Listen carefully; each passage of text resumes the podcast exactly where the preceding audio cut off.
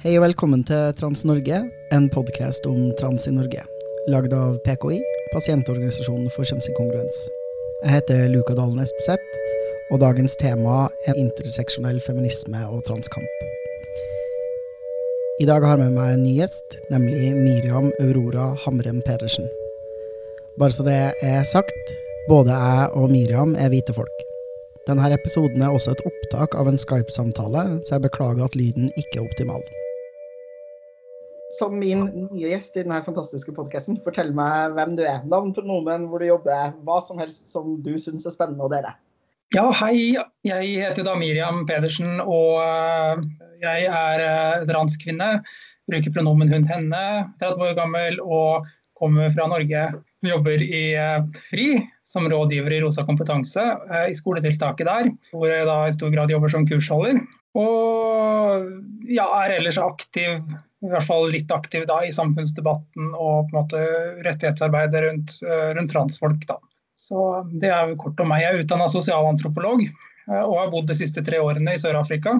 Fullført doktorgrad der. Vi skal snakke om uh, Sør-Afrika og doktorgrad. Det, det, er definitivt spennende saker. Du kan jo si, for du skriver jo en del bl.a. på Madame. Det er, lov, det er lov med skamløs selvpromo, nemlig, på denne podkasten. Ja, jeg er jo jeg er fast skribent for et feministisk bloggkollektiv som heter Madam. Og, og, der skriver jeg jo mye om feministiske temaer, og også mye som på en måte retter seg mot transfolk, og spesielt transkvinner. Men også litt annet, da. Eh, og jeg skriver, skriver også ellers en del, både i aviser og på andre plattformer. Og har også gitt ut eh, en bok om min egen på en måte, reise da, den, første, den første tida som, eh, som åpen transkvinne i Sør-Afrika skriving er en lidenskap for meg, da. Om jeg får lov til å dele det, så husker jeg jeg traff deg for eh, noen år siden, før du reiste til Sør-Afrika. Og jeg syns det er så kult liksom, at du har vært borte da, fra den norske liksom, transbevegelsen eller miljøet i noen år, og så bare kom du så smashing tilbake, liksom, og bare var sånn der Ja, ja, eh, jeg liker, det, jeg liker, det, veldig godt. Det er jo ikke sant egentlig at vi i Norge har en veldig stor overvekt av transmenn som er aktivister, men vi har noen transmenn som er veldig synlige, og som har vært det i en del år, meg selv inkludert. Så jeg er veldig gira på flere damer i monitor, spesielt når så mye av det liksom, debatten da, tydeligvis sentrerer seg så voldsomt rundt liksom, transkvinner, så er det for dumt da, at det er en gjeng med transmenn som skal sitte med en gjeng med cis-folk og diskutere den muligens tilstedeværende eller ikke penisen til en gjeng med transkvinner. Det er tidvis absurd. Jeg må jo si at uh, Selv om jeg har vært ute av landet en stund, så har jeg jo fulgt ganske tett med på det som skjer og debattene som har gått. Og jammen har vi også noen uh, veldig veldig flinke transkvinner også som har stått i, i frontlinjene. Da. Kan jo bare nevne Mathilde eh, Fossheim og Caroline Skarstein og Kristine Marie Jentoft. Og det er jo kvinner som har inspirert meg veldig. Eh, også på, en måte på min vei inn i aktivismen, da, kan du si. Så vi har absolutt eh, noen eh, å se opp til når det gjelder eh, sterke og, og tydelige transkvinnestemmer også i Norge. Enig. Velfortjent uh, shout-out det der det er veldig kult. Og jeg syns også det er kult at vi begynner å få flere Vi har jo for så vidt lenge hatt Espen Ester da, som åpen og tydelig ikke-binær transperson i Norge, men det er også veldig kult at det begynner å komme flere unge ikke-binære som står litt på krava og er synlige, da. I hvert fall for meg som jo unektelig begynner å bli en gammel traver i det gamet her, så er det liksom hyggelig at vi er mer enn tre. det...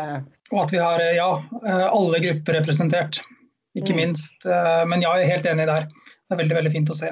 Men ja, vi har jo fortsatt et eh, mildt sagt påtagelig problem med at eh, de fleste synlige, tydelige transfolk i Norge er hvite folk i veldig stor grad. Og så har vi, vi har selvfølgelig også rasifiserte transaktivister i Norge, men eh, jeg føler at bevegelsen vår er veldig prega av å være hvit. Kanskje du har noen artige perspektiver på det, du som har vært litt i forskjellige land i verden? Ja, altså jeg kan jo snakke først og fremst kanskje fra et sørafrikansk perspektiv, siden det er der jeg har bodd lengst. Det er jo et land hvor eh, hvite er i ganske sterkt mindretall. Eh, hvor transbevegelsen er eh, veldig mangfoldig når det gjelder både hudfarge og etnisk, kulturell og religiøs bakgrunn. Så det, det var en, en, si, en, litt annen stemning når det gjaldt de tingene der. Og i Sør-Afrika så er jo også transbevegelsen knytta mye sterkere opp mot eh, den antirasistiske bevegelsen f.eks. og den av, altså, avkoloniseringsbevegelsen helt, på en helt annen måte da, enn i Norge. Eh, der nede så er det vanlig, i hvert fall i enkelte deler av trans transmiljøet, å se disse måte, kampene som, veldig, eh, altså, som at de henger veldig sammen. Og at de kanskje til og med er litt sånn forskjellige sider av samme sak, egentlig. Ja, det tenker jeg på veldig mange måter at det er. Og det er jo Altså, Ingen frigjøringskamp er noe verdt hvis den også bærer med seg eh, rasistiske strukturer eller transfobe strukturer osv. Så, videre.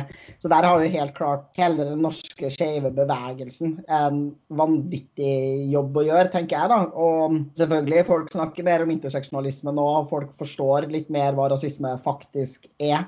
Men det er jo påtagelig at uh, samtalene er de, dem de er, og at folkene som er mest synlige og tydelige, er de folkene som er det.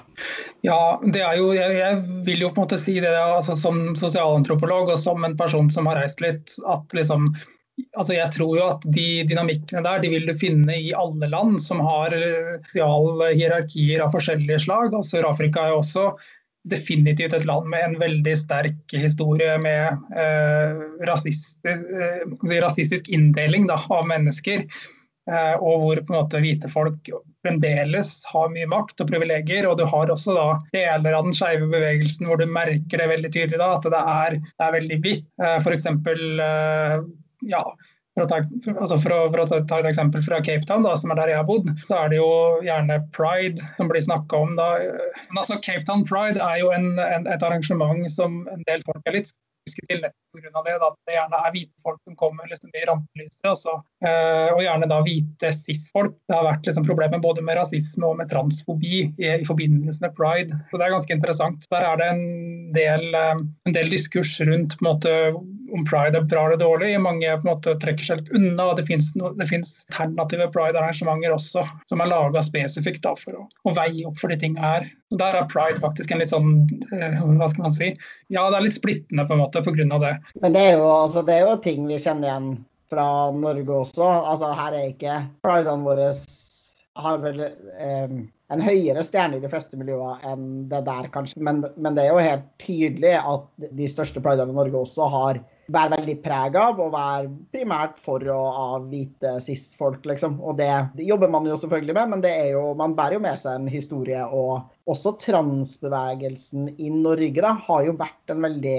som jeg forstår den i hvert fall historisk, da, en ganske enten veldig sånn heterosis-normativ bevegelse, eller veldig på sida av hele den skeive bevegelsen. Eh, Forbundet for transpersoner Norge var jo veldig lenge en forening for helt uttalt heteroseksuelle menn som presenterte som kvinner innimellom, og ville jo ikke ha med noen andre former for kjønn, fordi man jo ikke ønska å bli assosiert med homofili og andre ting man så på som negativt. Da. Og på den andre sida så hadde man på en måte Harry Benjamin ressurssenter og den bevegelsen der, som jo ja, har vært opptatt av eh, at det er vi transfolk som skal bære byrden av å endre oss da, og tilpasse oss samfunnet sine normer, og at det beste du kan få til som en transperson i livet, eller det du er mest suksessfull hvis ingen vet at du er trans, og du kan transitione, være kvinne eller mann og gå stelt. Da. Det tror jeg jo gjør noe med den norske transbevegelsen, definitivt. Og det tror jeg kanskje en del liksom, unge, både feminister, men transaktivister og muligens også antirasister, ikke helt vet da, om den norske transbevegelsen. At den er, den er ganske ny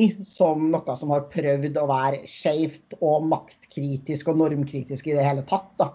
Og det er ikke noen unnskyldning for at man fortsatt har rasistiske strukturer i egen bevegelse, men det setter i hvert fall i en slags kontekst. Da. Jeg tenker at Det å være system- og maktkritisk for transfolk i Norge er et ganske nytt fenomen i det hele tatt. Mm. Ja, nei, ikke sant. Og, og man, man, ser jo, eller i hvert fall jeg syns jo jeg ser den arven leve videre eh, ganske sterkt i det norske transmiljøet også. Eh, og den måte, medikaliserte diskursen, altså det at, man, måte, det at, det å være trans er en sykdom som skal kureres, du skal på en måte bli cis, og det er målet, uh, synes jeg på en måte det, det, henger litt ved da, i måten folk snakker om transfolk på, og i måten en del transfolk snakker om seg selv på. Og, og det tror jeg på en måte jeg er helt enig at det, jeg, tror det, jeg, tror det, hemmer på en måte bevegelsen litt. Jeg skjønner jo litt da, at noen transfolk kanskje ikke altså, Jeg kan på en måte forstå at noen kanskje vegrer seg for å på en måte kalle seg skeive hvis, hvis, de føler seg veldig måte, binære i sin kjønnsidentitet og ellers er på en måte heterofile og sånn, at de kanskje ikke ønsker å på en måte appropriere noen andres, noen andres kamp og rom. Da, men uh, jeg tenker fremdeles at uh, vi er en del av den skeive bevegelsen uansett, fordi vi bryter jo med, med normer knytta til både kjønn og seksualitet på forskjellige måter. Og det, Der føler jeg jo at kanskje Sør-Afrika har kommet litt lenger enn oss. da. Mm. Det gjelder å være på en måte aktivt politiske og synlige og på en måte stå på krava. Og eh, være, jeg blander språk litt, men unapologetic når det gjelder det å være trans, og tørre å, å, snakke høyt. For det merker jeg også at en del folk i Norge kanskje vegrer seg litt for å gjøre. Man er litt redd kanskje for å snakke for høyt og for å være for bisk. Kanskje man er redd for å få liksom, NBTS eller K eh, imot seg. Altså, det, liksom, det henger liksom en sånn frykt over det norske transmiljøet som, som jeg føler er, det kanskje er mindre av i Sør-Afrika, fordi situasjonen er annerledes. Der er jo på en måte lovgivninga veldig åpen. Altså Grunnloven eh, gir veldig sterk beskyttelse for skeive, også transfolk. Og, og, det er veldig på en måte åpenhet i det med tilgang til helsehjelp. Men eh, der er det mer på en måte den sosiale aksepten hvor man henger etter. Uh, mens her i Norge så har vi på en måte staten mer imot oss. Eh, mens kanskje den sosiale aksepten har kommet lenger enn i Sør-Afrika. Så det er egentlig litt sånn motsatt situasjon på mange måter. Det, altså det, det er min erfaring, da. Noen ganger har jeg vært ute og reist da, og så snakka med liksom, transaktivister i andre land og fortalt om hvor radikal jeg på en måte faktisk er da, i, i min forståelse av trans. liksom, hvor jeg bare er sånn altså PKI jobber jo for sånn å, vi må ha et mer desentralisert helsetilbud og osv. Men min personlige mening er jo at man burde ikke trenge en diagnose for å få tilgang til kjønnsbekreftende behandling i det hele tatt, og at hele konseptet med at noen skal kunne gatekeepe på noen som helst slags måte. da, Kjønnsbekreftende behandling er jeg strengt tatt motstander av. Og Da er det veldig spennende å liksom forklare folk hvorfor man har starta en pasientorganisasjon for, for, kjønnsinkongruens.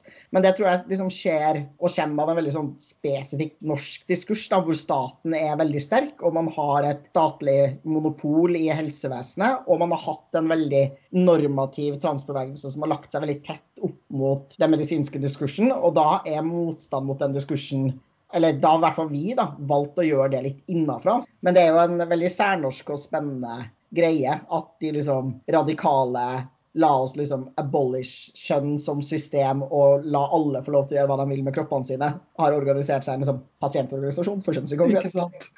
Det er jo interessant eh, på mange måter det der. og eh, jeg tenker også at Det handler jo mye om at i Norge så har vi jo en ganske stor tillit til staten, eh, som man ikke nødvendigvis har i alle andre land. Jeg tror det også er en grunn til at f.eks. Sør-Afrika ikke gjør dette på samme måten som oss.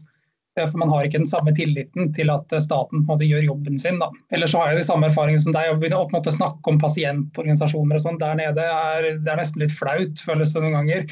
Og det å forklare at det fins uh, altså at det, selve ordet trans er kontroversielt i Norge, det er jo også litt rart mange steder. For det er også, det er også særnorsk. da. Ordet trans har blitt politisert. Det er jo et beskrivende begrep som brukes i, over hele verden.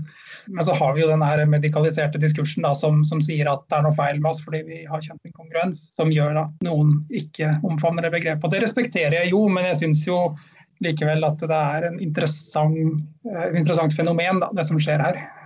Har aldri møtt noen aktivister eller andre som har fortalt at de har en lignende antitrans-transpopulasjon på en måte som det vi har i Norge. Men det, det kommer jo rett og slett av at Harry Benjamin Ressurssenter en gang på tidlig 2000-tallet bestemte seg for at de ikke ønska å bruke trans som begrep. Og de starta jo faktisk også med å gjøre det. Så De starta jo som Landsforeningen for transseksuelle, og så ble de Landsforeningen for transkjønna når de prøvde å fjerne seg fra den liksom, seksualitetsgreia for å tydeliggjøre det skillet mellom kjønnsidentitet og seksuell orientering. Det er veldig artig, fordi da tok de ordet transkjønn. Og dermed så ble jeg fri, og alle de andre organisasjonene måtte da begynne å snakke om transpersoner. Og man snakker jo for så vidt på engelsk om liksom, trans people, men det er også liksom, særnorsk at man sier transperson som et liksom, substantiv som egentlig ikke gir mening. Det er én transkjønna person. Det er skjønnet som er trans, liksom. Det blir jo det samme som om man skulle si at, at jeg er en lesbeperson. Det høres jo veldig rart ut. Det gjør det. Jeg må si at jeg, altså jeg, har full respekt for folk, samme hva de velger å kalle seg. Altså hvis noen velger altså, sier at de er født i feil kropp, så altså, de har ikke noe problem med det.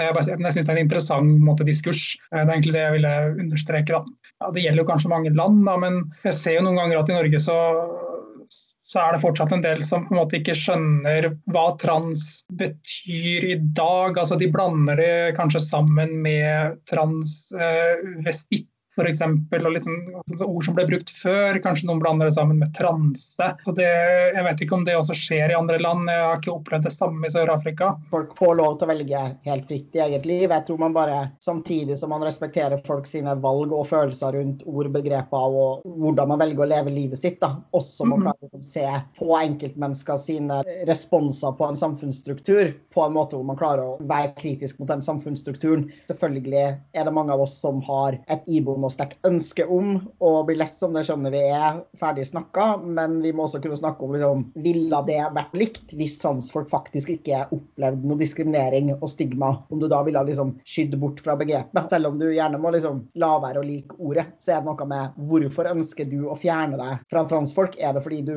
anser mennesker som ikke er veldig normative i sin kjønnsutførelse som mindreverdige og dårlig, og du prøver liksom oppnå høyere status ved å trykke andre ned. Det må man kunne påpeke, selv om man har full respekt for at mennesker velger som man velger. Da. Der er jeg jo helt enig der. og det er ikke, altså, Jeg bruker dette her som eksempel fordi jeg har hørt andre, andre måte, snakke sånn. og Jeg personlig bryr meg jo ikke noe om det, altså, hva, hva folk skulle kalle meg egentlig. altså hovedsaken for min personlige del er jo på en måte å bli sett som det kjøttet jeg er. Eh, og Problemet kommer på en måte for meg da når kanskje folk blander det sammen med liksom drag og sånne ting som ikke handler om kjønnsidentitet. Men, ja. Vi, vi snakka om feminisme. Jeg, drev, jeg, hadde en tanke i huet om feminisme. og tenke litt hva det var. Politiske bevegelser ser jo forskjellig ut i forskjellige land. Så jeg tenker kanskje du kan fortelle meg litt eh, mer om liksom, den feministiske bevegelsen og transbevegelsen og den antirasistiske bevegelsen i, i Sør-Afrika? Ok, det kan jeg gjøre. Nå er jo Sør-Afrika et veldig stort land, et veldig sammensatt eh, land. Jeg bodde i Cape Town, som jo er eh, ansett som liksom, den skeive hovedstaden i Afrika. Dit kommer det jo skeive folk fra hele kontinentet, altså flyktninger ofte fra land hvor de ikke kan leve åpent som seg selv. Ja, Cape Town blir på en måte sett på som en litt sånn frihavn da, for, for skeive folk. Så når jeg snakker om mine erfaringer fra Cape Town, så er det ikke det representativt for hele Sør-Afrika. bare så det er sagt. Sør-Afrika er jo et, et land hvor um, stemningen gjerne er ganske sosialkonservativ blant folk. Både altså, samme hva slags hudfarge osv. de har. Det er et ganske konservativt samfunn, ganske patriarkalsk. Så det er jo fortsatt sånn at mange skeive, og mange transfolk spesielt, da sliter med å bli akseptert og anerkjent eh, sosialt. Da. Mange blir kasta ut eh, hjemmefra når de forteller at de er trans. Eh, en del bor på gata, en del sliter med, med rus osv. Eh, og Sør-Afrika er også et land dessverre hvor eh, skeive blir drept.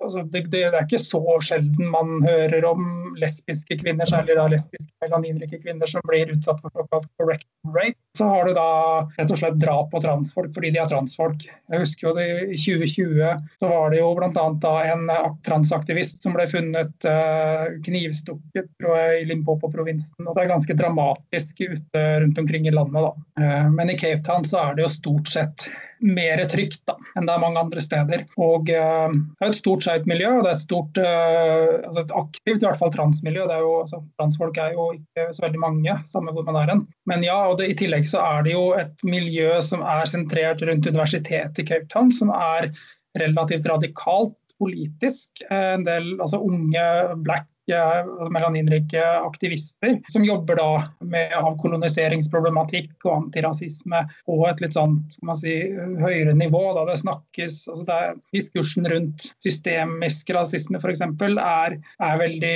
eh, avansert. Det er noe, dette er noe som på en måte mange, mange tenker på, da, så mange kan noe om. Det er et tema som er veldig oppe, og var det også lenge før det kom til Norge også. Eh, det med avkolonisering i akademia f.eks. hadde jo vært en, en ting og en sak i Sør-Afrika Afrika lenge. Så Det som skjer i Cape Town ofte, er jo at eh, alle disse tingene kommer sammen. da, Så man får eh, på en måte en eh, en felles bevegelse, en felles frigjøringsbevegelse som dreier seg både om kvinners frigjøring og skeives frigjøring, og på en måte da frigjøringen av rasifiserte folk. Og Det, det syns jeg er veldig interessant, for det syns jeg ikke vi har på samme måte i Norge, dessverre. Selv om potensialet finnes, så har det vært lite av det hittil. Altså selvfølgelig, Det finnes jo eh, folk som gjør den typen arbeid. og har jo Skeiv Verden f.eks.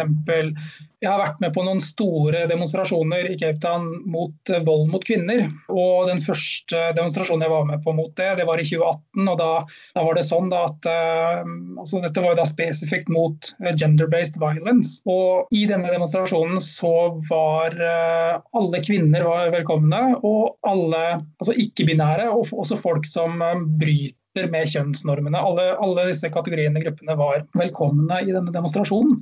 Men ingen menn hadde lov til å være med, med mindre de brøt uh, tydelig med kjønnsnormen. Da. Og Det gjaldt både, både trans og cis-menn. Og når jeg kom dit som transkvinne, dette var før jeg starta hormonbehandling, så, så, var jeg helt sånn altså, Det var ingen som stilte noe spørsmål med at, at jeg var der.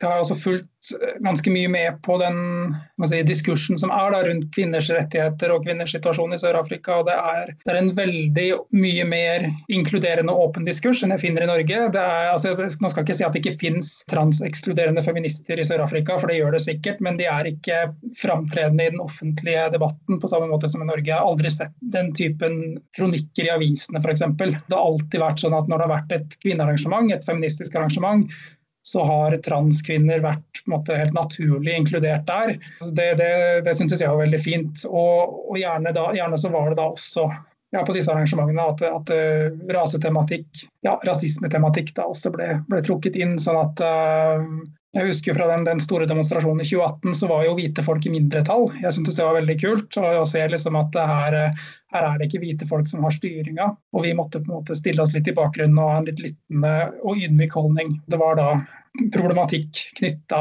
mye til hvordan det er å være altså, melaninrik kvinne, da, som ble satt på dagsorden. Altså, den typen feminisme, da, den typen inkluderende feminisme med fokus på marginaliserte grupper, føler jeg at står mye sterkere der enn i Norge, hvor det er mye mer fokus på etnisk norske, hvite cis-kvinners eh, livssituasjon. Da, litt på bekostning av andre. Det blir mye, det ble mye snakking fra min side, men det er sånn. Det er kjempespennende. Altså, Dette er jo tema som jeg ikke har noe innsikt i og ikke kan så veldig mye om. og det, det Perspektivene dine er kjempeinteressante. og Jeg snakker for så vidt altfor mye på denne poden, så det er helt uproblematisk. Jeg er helt enig. altså jeg blir litt sånn fascinert da, over at vi ikke altså Tilsynelatende i liksom alle frigjøringsbevegelser i Norge da, er så ute av stand til å ha liksom mer enn én tanke i hodet samtidig. Og at den ene tanken man klarer å ha, er en veldig sånn normativ tanke. Så man blir sånn her kvinne, og så ser alle for seg hvit, heteroseksuell cis-kvinne. Bare kvinnebegreper, ikke bare det at du ikke har fantasi og evne til å se for deg at det finnes flere kvinner enn den her ene liksom, stereotype ideen, den her erketypen kvinne, da, er helt forferdelig, liksom. Det virker på meg som man veldig ofte tenker at hvis man har en tydelig antirasistisk agenda når man lager et kvinnearrangement, at det liksom tar fra noe av fokuset på kvinner. Hvor jeg blir sånn Nei, det beriker, det gir. Og det er ingen, ingen hvite kvinner som taper på en tydelig antirasistisk kvinnekamp, liksom. Selvfølgelig ikke. Nei, altså jeg føler at det er, det er litt, litt sånn typisk kanskje vestlig måte å tenke på da. I, i, altså om nullsumspill, at alt er et nullsumspill spill, at det du vinner, det taper jeg. Jeg vet ikke, jeg syns jeg ser det ganske mye i norsk politisk diskurs. da. Til og med hvis det var et såkalt nullsumspill, altså sånn ja, men da må man ta noen sånne lange historiske rekker. da. Så må man tenke at her har hvite folk sittet med vanvittig mye makt da, så vanvittig lenge og fått lov til å til og med Altså vi er så frekke at vi til og med tror at vi kan få lov til å definere hva faen rasisme er. Det er en lidelse å se på. Og da blir jeg sånn, Når man har hatt all den makta historisk, så hvis man skal tenke at det faktisk var et nullsumspill, så er jo den logiske konsekvensen av det at du skal sette deg ned og holde kjeft. da, Som jo er det så mange av oss burde gjøre i situasjoner hvor vi tilhører dem som er majoritet, eller dem som har makta. Mm. Og det er jo litt sånn, tror jeg da, at Hvis man tilhører en gruppe som er vant til å kunne bestemme over andre, som er vant til å ha makt og til å ha hegemoni, så så vil jo ethvert forsøk fra andre grupper på liksom utjevning og likestilling føles nesten som et overgrep. ikke sant? For at uh, Du er ikke den sterkeste lenger. Selv om du, på måte, selv om du har nok måte, makt fortsatt, selv om du egentlig ikke på måte mister noen ting, så vil det likevel føles som at du på måte relativt sett blir mindre mektig. Jeg husker ikke hvor jeg leste, men jeg syntes det var et godt poeng i hvert fall. Ja, og da er det jo helt tydelig at du ikke bare er ute etter å bli behandla som et fullt og helt menneske. Du ønsker faktisk også at andre mennesker skal ha det dårligere, eller tror at noen av dine rettigheter kommer som en direkte konsekvens av å trykke eller holde andre mennesker nede. Og det mm. mener jeg bare er moralsk forkastelig. Men det ser man jo også på liksom, når, når, når, enkelte måte, menn sier at nei, nå har, nå likestillinga gått for langt. Eller, altså, det er jo samme, det, altså, jeg tror det er den samme mekanismen. Jeg, jeg, tror ikke det alltid er liksom, intendert veldig kjipt, men at folk rett og slett er vant med status quo. da. og ikke tenker over det. Jeg vet ikke, Nå, nå, nå gir jeg liksom veldig mye benefit of the doubt til folk, da, eh, og antar at folk tenker, måte, ikke mener vondt. Men det er også noe med det. Sånn for det første så er intensjon det er ikke alltid irrelevant. Intensjon gir nyanser, intensjon gir håp om endring, det gir mulighet for læring. altså Hvis du har såkalte gode intensjoner. Men det er jo konsekvensen av handlingene dine som faktisk betyr noe for de menneskene hvis handlinga har konsekvenser for. Og du ser det veldig fort når folk påstår at de har gode intensjoner, og man kan aldri vite andre menneskers intensjoner, men hvor raskt de er villige til å snu seg hvis de faktisk blir adressert da, og tydelig snakka til. Eh, at en sånn naturlig respons for hvite folk når vi får beskjed om at vi gjør noe rasistisk, ikke bare liksom få vondt inni oss og være idiot, liksom, men til og med også å utøve reell fiendtlig innstilt makt da, på rasifiserte folk. Og håndtre det å bli adressert på at man har sagt eller gjort noe rasistisk, med å veldig lett ty til å faktisk ønske å frata rasifiserte folk rettigheter og muligheter i livet sitt og videreføre og utsette folk for ytterligere rasisme. Da er det ingen som tror på intensjonen din. Da er det helt tydelig at intensjonen din faktisk ikke var god, og at du faktisk ikke anerkjenner at mennesker er like mye verdt. Ikke sant. Eh, men egentlig så er det jo altså Jeg mener jo at intensjon egentlig ikke betyr noe i det hele tatt. Altså Effekten har alt å si. Hvorvidt du mente godt eller ikke, det spiller ingen rolle. Veien til helvete er brolagt med gode intensjoner. Det gjelder, det gjelder oss alle, og det gjelder alle mulige tematikker. Eh, og jeg synes jo på en måte en hvis vi på en måte fortsetter å snakke litt om Sør-Afrika versus Norge, da, så synes jeg på en måte en ting som kjennetegner litt det norske eh, offentlige ordskiftet, er jo nettopp det at folk tar ting så innmari personlig så veldig fort. Så fort måte, noen hører ordet rasisme, så blir de liksom altså, så blodig fornærma. Og, og snur det til å handle om seg selv og dems intensjoner som, ja, som hvite folk. Da. Og hvor da på en måte den personen som kanskje i utgangspunktet tok opp noe som var helt problematisk, blir silenced altså, og usynliggjort og, og skjøvet, ut av bildet. Eh, og Det er det jo folk som prøver på i Sør-Afrika også, når det gjelder f.eks. dette med rasisme og sånn. Eh, men folk arresterer det eh, mye, mye raskere da, enn, en man gjør i Norge. og Det tror jeg også handler om at eh, melaninrike folk rett og slett er i flertall. Folk gjennomskuer denne vondbrotenheten da, ganske raskt. Jeg synes det er interessant at liksom, mens i Norge så, så, så blir det liksom legitimert av andre hvite folk. At liksom, ja, nei, her var det urettferdig at du ble kalt rasist, eller Det spiller egentlig ikke noen rolle om folk er rasister eller transfober å gjøre. Det, det, det som er viktig her, er liksom Gjør du ting som måte, har rasistisk og transfobisk effekt, eller ikke? Jeg syns egentlig at det er litt sånn lite konstruktivt å, å, diskutere hvorvidt folk er rasister eller transfober eller ikke. For Det, altså, det syns jeg egentlig er et sidespor. De kan være det, de kan ikke være det, men til syvende og sist så er det hva de faktisk gjør og hva slags effekt de har, som er det viktige, tenker jeg da. Ja, og så er det så lett å endre på, da. Så hvis noen eh, har eh, sagt at du er rasist en annen gang, så er det sånn her den enkleste måten å deale med det på, er jo bare å virkelig slutte å være mer aktivt antirasistisk i framtida. Så vil jo ikke det her være en begrensning for deg i resten av livet ditt. Det har jo veldig lite faktiske konsekvenser å bli kåla på å være rasist eller gjort eller sagt noe rasistisk i Norge. Ingen skade skjedd da, for hvite folk når, det skjer med oss. Jeg opplever veldig ofte at folk kommer inn med en sånn her Ja, jeg hadde gode intensjoner. Eneste grunn til at jeg stilte dette spørsmålet er fordi jeg ikke kan og jeg ikke vet og jeg har lyst til å lære. Det sier liksom folk veldig ofte ofte. Og en ting er noe her, Hvis du har lyst til å lære, så finnes internett, liksom. Men også det å anerkjenne at bare det konseptet av at du kan være hvit i Norge, f.eks., og bare ikke ha noen forståelse eller kunnskap om rasisme og rasifiserte folk. Det at du kan være en cis-person i Norge som ikke har noen kunnskap om transfolk whatsoever, at vi går rundt og bare liksom ikke vet ting, er et, et resultat av at vi lever i et rasistisk samfunn, liksom. At vi lever i et transfobt samfunn, et funkofobt samfunn. Altså, mm. eh, og det ville aldri skjedd hvis samfunnet så annerledes ut, om man faktisk hadde adressert det her på et strukturelt nivå. Da. For da klarer du ikke å gå gjennom livet ditt uten å liksom kunne selv de mest grunnleggende ting om hva transfobi, rasisme, misogynisme osv. er. da. Jeg tror egentlig det handler mer om måte, altså, normen i samfunnet, altså normativiteten rundt det å være f.eks. hvit heterosis, enn det handler om på en måte direkte fobi. Uh, når, liksom, når, når, så, når, en så stor andel av befolkninga tilhører på en måte den normative majoriteten, kan man si, jeg vet ikke om det er et begrep som finnes, men jeg bruker det i hvert fall, så er det jo lett å på en måte både å glemme og også overse, men også avfeie folk som på en måte målbærer et annet virkelighetssyn en annen virkelighetsopplevelse enn en selv. Uh, og Det føler jeg skjer i Norge veldig mye. at liksom nei, men, uh, altså Når en cis-person sier til meg at liksom nei, men du, uh, hør her, liksom, jeg vet, jeg vet hva du er for noe, jeg vet hva som skjer med deg. Når jeg da på en måte svarer og prøver å liksom ja,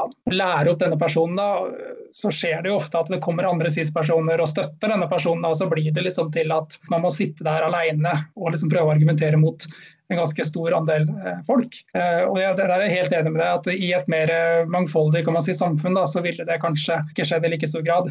Det skjer jo i Sør-Afrika òg, men det skjer i mindre grad. og Problemet der er jo at måte, spesielt liksom, hudfargekategoriene er veldig, fortsatt veldig segregert. Da, i, måten, altså i hva slags jobber de har, hvor de bor osv. Så, videre. så det finnes jo dessverre en del hvite folk som har veldig lite peiling på hvordan melaninrike folk har det.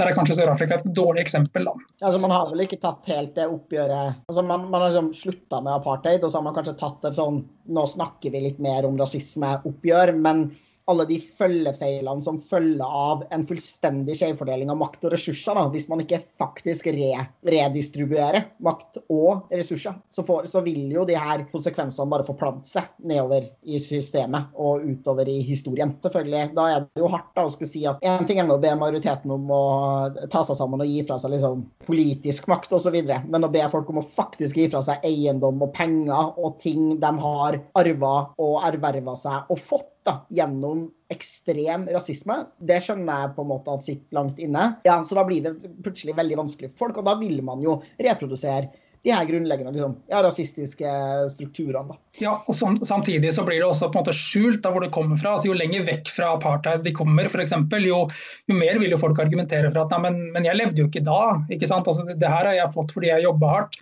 Så, tenker ikke folk på at liksom, grunnen til at du fikk en universitetsutdannelse, var at dine foreldre hadde penger nok til å betale skolepenger for deg, mens mange ikke hadde den muligheten. Eller at liksom, ja, det huset du har, det arva du fra besteforeldrene dine, som, som fikk det huset.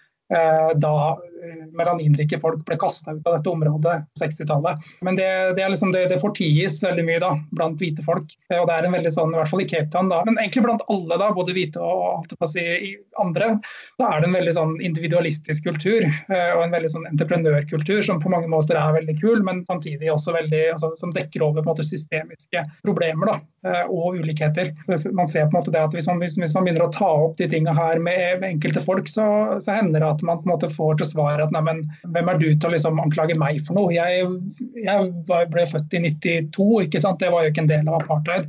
Hvordan kan, hvordan kan jeg gjort noe gærent? Den diskursen er ganske sterk. Da. Og Samtidig så er det jo da en del folk som, i hvert fall noen da, som, som mener at grunnen til at mange melaninrike folk er fattige i Sør-Afrika, er fordi at de ikke jobber hardt nok. Og vil jeg på en måte bare si veldig kort at jeg er hvit, det glemte jeg å si på starten. Og ja. kanskje jeg bruker rasisme som eksempel som noe jeg kan snakke om er litt dumt, men jeg anerkjenner det at jeg har, jo, jeg har ikke selv opplevd rasisme. Hvis rasifiserte folk er ute og hører på det her og har lyst til å komme med kritikk eller innspill, så tar vi dem imot med åpne armer og uten såre, hvite, krenka følelser. Det, nå snakker jeg om et samfunn. altså Du kan på en måte ikke snakke om Sør-Afrika uten å snakke om rasisme, men jeg snakker jo om et mangfoldig samfunn sett fra mitt måte, utenlandske og hvite perspektiv. Altså, Hvite folk må snakke om å anerkjenne rasisme da, i større grad. Og så vil vi selvfølgelig, fordi vi er hvite, bare ikke kun ha en kunnskap om det. Hvis det er noen som har ansvar for rasisme, så er det jo vi som er hvite. Absolutt. absolutt.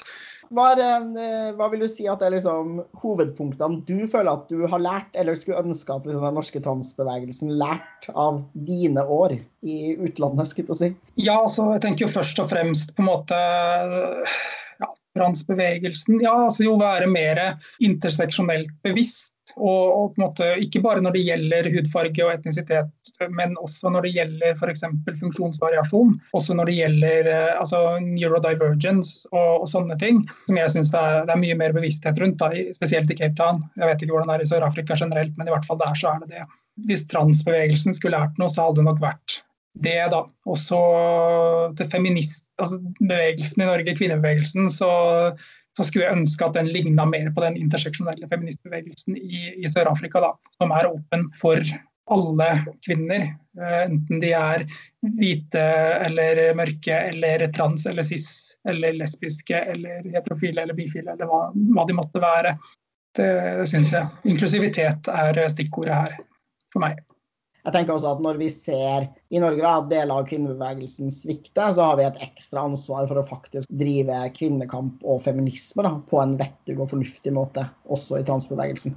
Og Det tenker jeg er noe vi alle har interesse av. og den den feminismen må være en inkluderende, reelt inkluderende feminisme. Da, hvor vi tør å ta opp ting vi ikke har snakka om før, og løfte frem stemmer vi ikke hører. Bare foreta bedre maktanalyser og samfunnsanalyser. Og så være rett og slett kanskje litt eh, flinkere til å arrestere hverandre når vi gjør veldig problematiske ting. Eh, for det er, det er folk også veldig flinke på i Sør-Afrika. Å være konstruktivt kritisk da, er, eh, er, en del av kulturen blant aktivister. Og jeg syns det er fint å ha med seg, da, uten at man måte begynner å liksom, lage krangel nødvendigvis hver gang, men å måte si fra når folk gjør ting som ikke er greit. Ikke ha det fokuset hele tiden på at liksom, nei, du er en dårlig person fordi du sa det, men mer sånn typ, du kan forbedre deg, du kan lære. Tenker også at Vi har et kollektivt ansvar for å bli bedre på å ta imot sånn type eh, konstruktiv kritikk. Da, eller bare også ukonstruktiv kritikk. Fordi folk får også lov til å være sint og frustrert og lei seg og såra og sliten når de sier fra om noe de har blitt utsatt for en milliard ganger før, da, og klarer å ikke sentrere sin egen majoritetsposisjon, sine egne mm. følelser i det. Hvordan kan jeg ta imot det her på en måte som, som, gjør det tydelig for den personen som sa fra, at jeg setter pris på at de sier mm. fra? At jeg ikke gjør den terskelen for å si fra neste gang høyere. Din oppgave er å gjøre den terskelen lavere. Jo mer casual det er greit å få sagt fra, jo enklere blir det her på sikt, liksom. Og så må man bare ta, ja, ta ansvaret for egne følelser. Det er sånn her, ja, selvfølgelig det gjør vondt når noen sier at du har gjort noe som gjør at du kanskje forstår deg selv som slemmere og kjipere enn det du faktisk forstår deg selv som. Alle forstår at det gjør vondt, men det er, bare, det er ikke det samtalen handler om, liksom. Takk folk for at de sier ifra. Og når jeg sier konstruktiv, konstruktiv, kritikk, så snakker jeg om innholdet i kritikken, jeg snakker ikke om tonen. Altså, man kan være veldig konstruktiv og samtidig veldig sint. Det er også en ting jeg syns er veldig problematisk. og det, det, blitt, det, snakkes jo mye om internasjonalt, dette med tone policing. At liksom minoritetspersoner har ikke lov til å si noen ting med mindre de er veldig høflige og rolige. Så fort, begynner, altså så fort minoritetspersoner begynner å vise, vise, følelser, så blir de diskreditert. Det, det, skjer jo absolutt i Norge, både når det gjelder ting som rasismedebatt eller transdebatt. Og Det syns jeg er en uting. For det er alltid en grunn til at folk som du sier da, folk er slitne.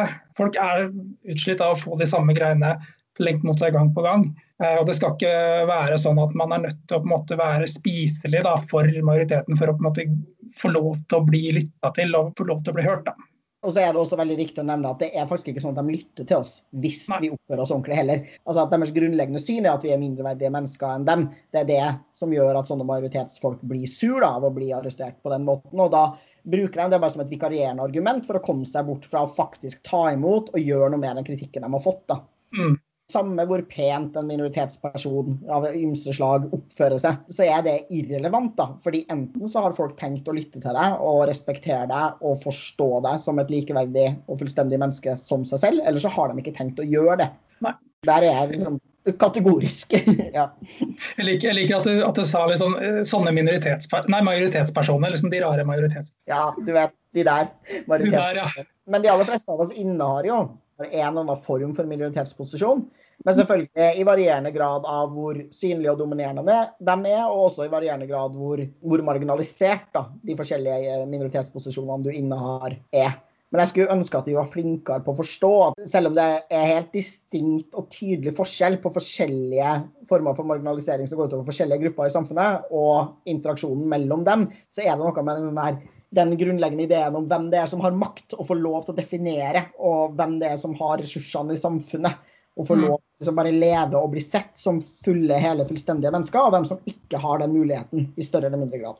Og her har jeg sterke meninger da, om dette her med måte, hvordan man skal forstå interseksjonalitet. Altså, sånn som jeg forstår interseksjonalitet, så handler det ikke om å måte, gjøre en opptelling av alle de forskjellige altså, marginaliserte identitetene man har, og så på en måte lage et sånt, så legge det sammen da, til et sånn tall på hvor undertrykt man er, og så på en måte dele inn folk i liksom mer eller mindre undertrykt nødvendigvis. Selv om det også det er jo på en måte Man kan tenke litt sånn men, er, men jeg tenker jo det er viktigere å tenke at alle som du sier da, alle har jo flere en identitet. altså Vi er jo alle komplekse vesener. Vi er, vi er aldri bare én ting. Mange av de identitetene vi har, det kan være både flere minoritetsidentiteter på en gang sammen med flere majoritetsidentiteter på en gang. At man på en måte ser hvilke måte, identiteter man har, og hva de betyr i ulike settinger, da, i ulike måte, interaksjoner sosialt. I stedet for å måte, lage sånn, en sånn todimensjonal eller endimensjonal uh, figur på liksom, hvem som er måte, undertrykt eller ikke undertrykt. For det går det egentlig ikke an å si. Det, det, det, verste da, syns jeg, da, når man deler inn verden i ikke bare de som er undertrykt, de som ikke er undertrykt, men når man måtte dele inn verden i de som er undertrykt og de som er undertrykkere og du er enten en eller det andre. Da mener jeg at det begynner å bli overforenkla og litt farlig. Målet skal jo være at mennesker skal få lov til å eksistere nettopp som de liksom komplekse individene vi er, og at man må kunne se hvor er det du ikke får lov til å eksistere som fullverdig menneske, og hva er grunnen til det i en gitt setting hvor er det du blir fratatt ditt liksom, grunnleggende menneskeverd? Da? Kan, kan, jeg si en ting til? Ja. Vi kommer tilbake til det med måte, feminismen og sånn i Norge. Da, at det, liksom, det, er en idé om hva den fullstendige, altså den fullstendige kvinnen er for noe. Og alle som ikke måte, når opp til det idealet, er på en måte mindre less than. Mm. Uh, det er sånn det blir. Men hvem er det det gagner? Det gagner jo bare noen. Men det vil jo ikke skade noen da, hvis vi, hvis vi utvider det rommet til å omfatte alle kvinner. Nei, så da avslutter vi med alle kvinner er kvinner. Mm -hmm. alle, alle, mennesker er mennesker. Ja, det er sant. Jeg ikke glemme at det er ikke bare transkvinner som, eh, som er de vi må snakke om. Jeg er jo transkvinne sjøl, så det står mitt hjerte nært. Men eh, vi, vi, vi får jo ofte mye fokus ja, Føler du det? Altså Fokus på den negative sida, eller tenker du også faktisk fokus i liksom, bevegelsene? Ja, På den negative sida kanskje mest, da, men også i samfunnet for øvrig. Altså føler jeg at, en, at transkvinner på en måte er mer, vi er mer synlige kanskje da, fordi at, uh, altså av forskjellige grunner. Ikke-binære altså, blir jo også veldig usynliggjort. Og Det handler jo om mange ting, det også. Jeg føler i hvert fall at vi, vi transkvinner vi, vi, er i hvert fall ikke usynlige da, i debatten om trans definitivt ikke usynlig i den såkalte debatten om trans. Debatten i gåseøynene. Ja, veldig gåseøyne rundt debatten. Uff. Jeg ønsker meg jo en uh, samtale som gjerne må ha masse, masse plass til transkvinner, men uh, på en litt mm. annen måte enn den har foregått i norsk offentlighet de senere årene.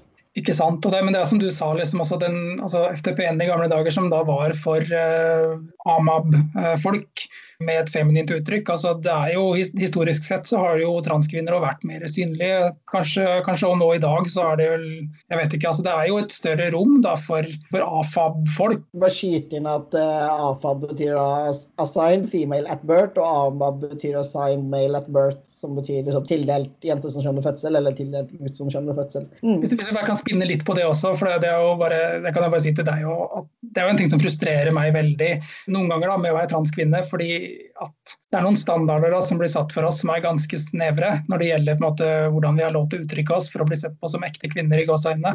Det forventes jo at vi skal spille ut hyperfemininitet. og Det, det er bare et lite, et lite sånn hjertesukk. da, som, altså, jeg, jeg, liker godt å ikke alltid være hyperfeminin. Jeg hadde kort hår en stund, men det, da fikk jeg høre men du prøver ikke hardt nok. Ikke joggesko på gata, det var deg som sa. Men min generasjon måtte jo, måtte jo lide for vår kvinnelighet, og her går du rundt i joggesko. Så var det en dame som gikk i joggesko på andre sida av gata, da, men det spiller ikke noen rolle, hun var jo cis man krever av transkvinner at dere skal ja, utspille hyperfeminitet da, og passere for å få noe respekt og anerkjennelse i samfunnet.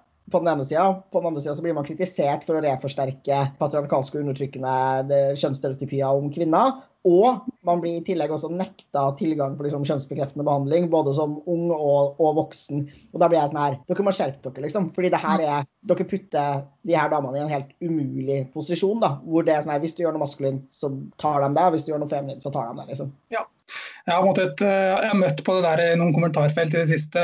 akkurat Det der med liksom, ja, men dere, dere er jo bare ute etter å liksom forsterke stereotypiene. og Det, jo, altså det vi egentlig må, er jo å få bort kjønnsrollene. Ja, det er helt riktig. det vi, Mange av oss transkvinner og transfolk generelt jobber for å få bort de kjønnsrollene og normene som finnes. og i hvert fall skape et større rom. da. Men, eh, men la oss nå i hvert fall få lov til det. Jeg er ikke mann fordi mannsrollen er så jævla kul, jeg er mann fordi jeg er mann, liksom. Og jeg har også lyst på en mannsrolle som er videre, og hvor menn ikke blir utsatt for masse liksom, stigma hvis vi utøver femininitet. Og har lyst til å leve et samfunn hvor femininitet ikke har så forbanna lav status. Det har jeg sett på som noe iboende negativt. Altså, det er jo helt forferdelig. Det er helt forferdelig for alle mennesker, liksom. Og selvfølgelig rammer det spesifikt kvinner og transfeminine eller feminine folk. da. Men samme her, liksom, Jeg er jo ikke feminist fordi, altså bare for min egen del eller for transkvinners del. Jeg, jo, altså, jeg vil jo ha frigjøring for alle kvinner. og og jeg mener altså, Så butch er jeg ikke, men jeg vet jo om folk som er veldig butch. Jeg vil jo at de skal ha muligheten til å, å, å være butch og, og, samtidig på en måte bli anerkjent som kvinne. Liksom. Jeg leste en veldig kul artikkel om det her om dagen, og bare hvordan den her policinga av hvem det er som er ekte kvinner for de her turfsa, da, også mm. rammer butch presenterende cis-kvinner veldig hardt. da. Når man mm. begynner å skulle mistenkeliggjøre kjønnsuttrykket til andre kvinner, når man begynner å liksom skulle være opptatt av hvorvidt en kvinne som egentlig ikke er kvinne i dine øyne, skulle vært inni en eh, kvinnegarderobe og sånn, så bare ser man at butche cis-kvinner bli ramma av det her. Fordi det dere gjør, er å forsterke kjønnsnormer og skjønnhetsidealer som er skadelig for alle. De, de, gjør jo det de anklager oss for å gjøre. Så det er jo innmari sterk dobbeltmoral der. Det er mye dobbeltmoral i denne såkalte transdebatten, for å si det sånn. Jeg blir fascinert. Ja. Dobbelt og trippelt og kvadruppelt moral. Det er, altså, altså disse her mentale krumspringene som folk, og logiske krumspringene som folk gjør, altså, det, er helt, det er vanskelig å følge med på noen ganger. Ja, det er det. Og da blir det jo også så ekstremt tydelig at ingenting av det her bygger på noe logisk annet enn din iboende, irrasjonelle frykt for transfolk, aka transfobi, som jeg liker å kalle det. ja. Det er mange som har vært sure, for, sure på det begrepet i avisen i det siste, ja, men, men, det, er ikke, snakker, det, er ikke, det, er ikke, frykt for transfolk. Altså, dere kan ikke bruke ordet fobi. Det er urettferdig. Men det er veldig fascinerende at man ikke klarer å anerkjenne at det her faktisk er i veldig mange tilfeller en frykt. Mm. Alle de oppkonstruerte problemene rundt hvilken trussel transkvinner utgjør, og hvilken trussel transbevegelsen utgjør for barn osv., er jo helt klart fryktdrevet retorikk. Og Uansett om det er fryktdrevet eller ikke, så tenker jeg vi må ha et språk som vi kan bruke for å snakke om de tingene her med. Så fort man på en måte tar fra oss det språket, hva skjer da? Jo, da, da kan vi ikke prate om det lenger. Da. Så, så da er det akkurat som at det ikke fins. Det blir jo litt det samme som å kneble oss, da. Og det er helt tydelig også, hvis man prøver å delta i en debatt hvor man ikke bruker de her begrepene, da, så er det ikke sånn at vi blir lytta til noe mer da. Helt gjennomgående tydelig at det skjer ikke. Og det er det samme med den der tone-policinga. Og det er ikke sant, liksom. Det er ikke sånn at du hører på meg hvis jeg bare ikke er sint, og hvis jeg bare ikke ikke bruker transfobi som begrep. Du har ikke tenkt å lytte til meg fordi du faktisk ikke anerkjenner at jeg er likeverdig der, liksom. Men det, jeg merker det selv, altså Jeg har jo fått liksom påpakning fra andre transfolk for at jeg er for diplomatisk når jeg skriver. Eh, så jeg har jo litt den følelsen også at liksom, jeg tenker liksom, ja, kanskje hvis jeg er sånn snill nok når jeg skriver, så vil folk høre. Altså jeg, er veldig, jeg er jo opptatt av å på en måte være samlende og prøve liksom, folk til å skjønne ting. Men jammen blir jeg frustrert noen ganger, og, og jammen blir jeg sur noen ganger sjøl også velger folk forskjellig da, ut ifra hvem du er som person, hvordan du har erfart verden, hva det er du tror fungerer. Og det er ikke sånn at vi er nødt til å være enige om én strategi heller. Alle endringsbevegelser i verden har hatt mennesker som har vært uenige om strategi, og man har brukt forskjellige strategier, og, og forskjellige strategier har fungert. Jeg tenker at Man, man, man kommer jo gjennom til litt forskjellige folk, kanskje. Ja. Det viktigste er liksom at vi har, altså Jo flere av oss som faktisk tør å, å snakke om de tingene her, jo bedre. Det er fint hvis noen har overskudd og empati og kapasitet til å være veldig empatisk og forståelsesfull og pedagogisk. tenker jeg Gull verdt, men eh, ingen kan kreve det av deg. og Når du kjenner at det koster mer enn det gagner for deg, så slutter du, liksom. Og Min erfaring er jo også som en sånn gammel transaktivist, da, er jo at folk gjerne blir sintere, surere og krassere jo lenger man har holdt på, fordi man føler at man sitter og gjentar seg selv da, uten å bli lytta til. Og det medfører jo frustrasjon og sinne for de aller fleste mennesker.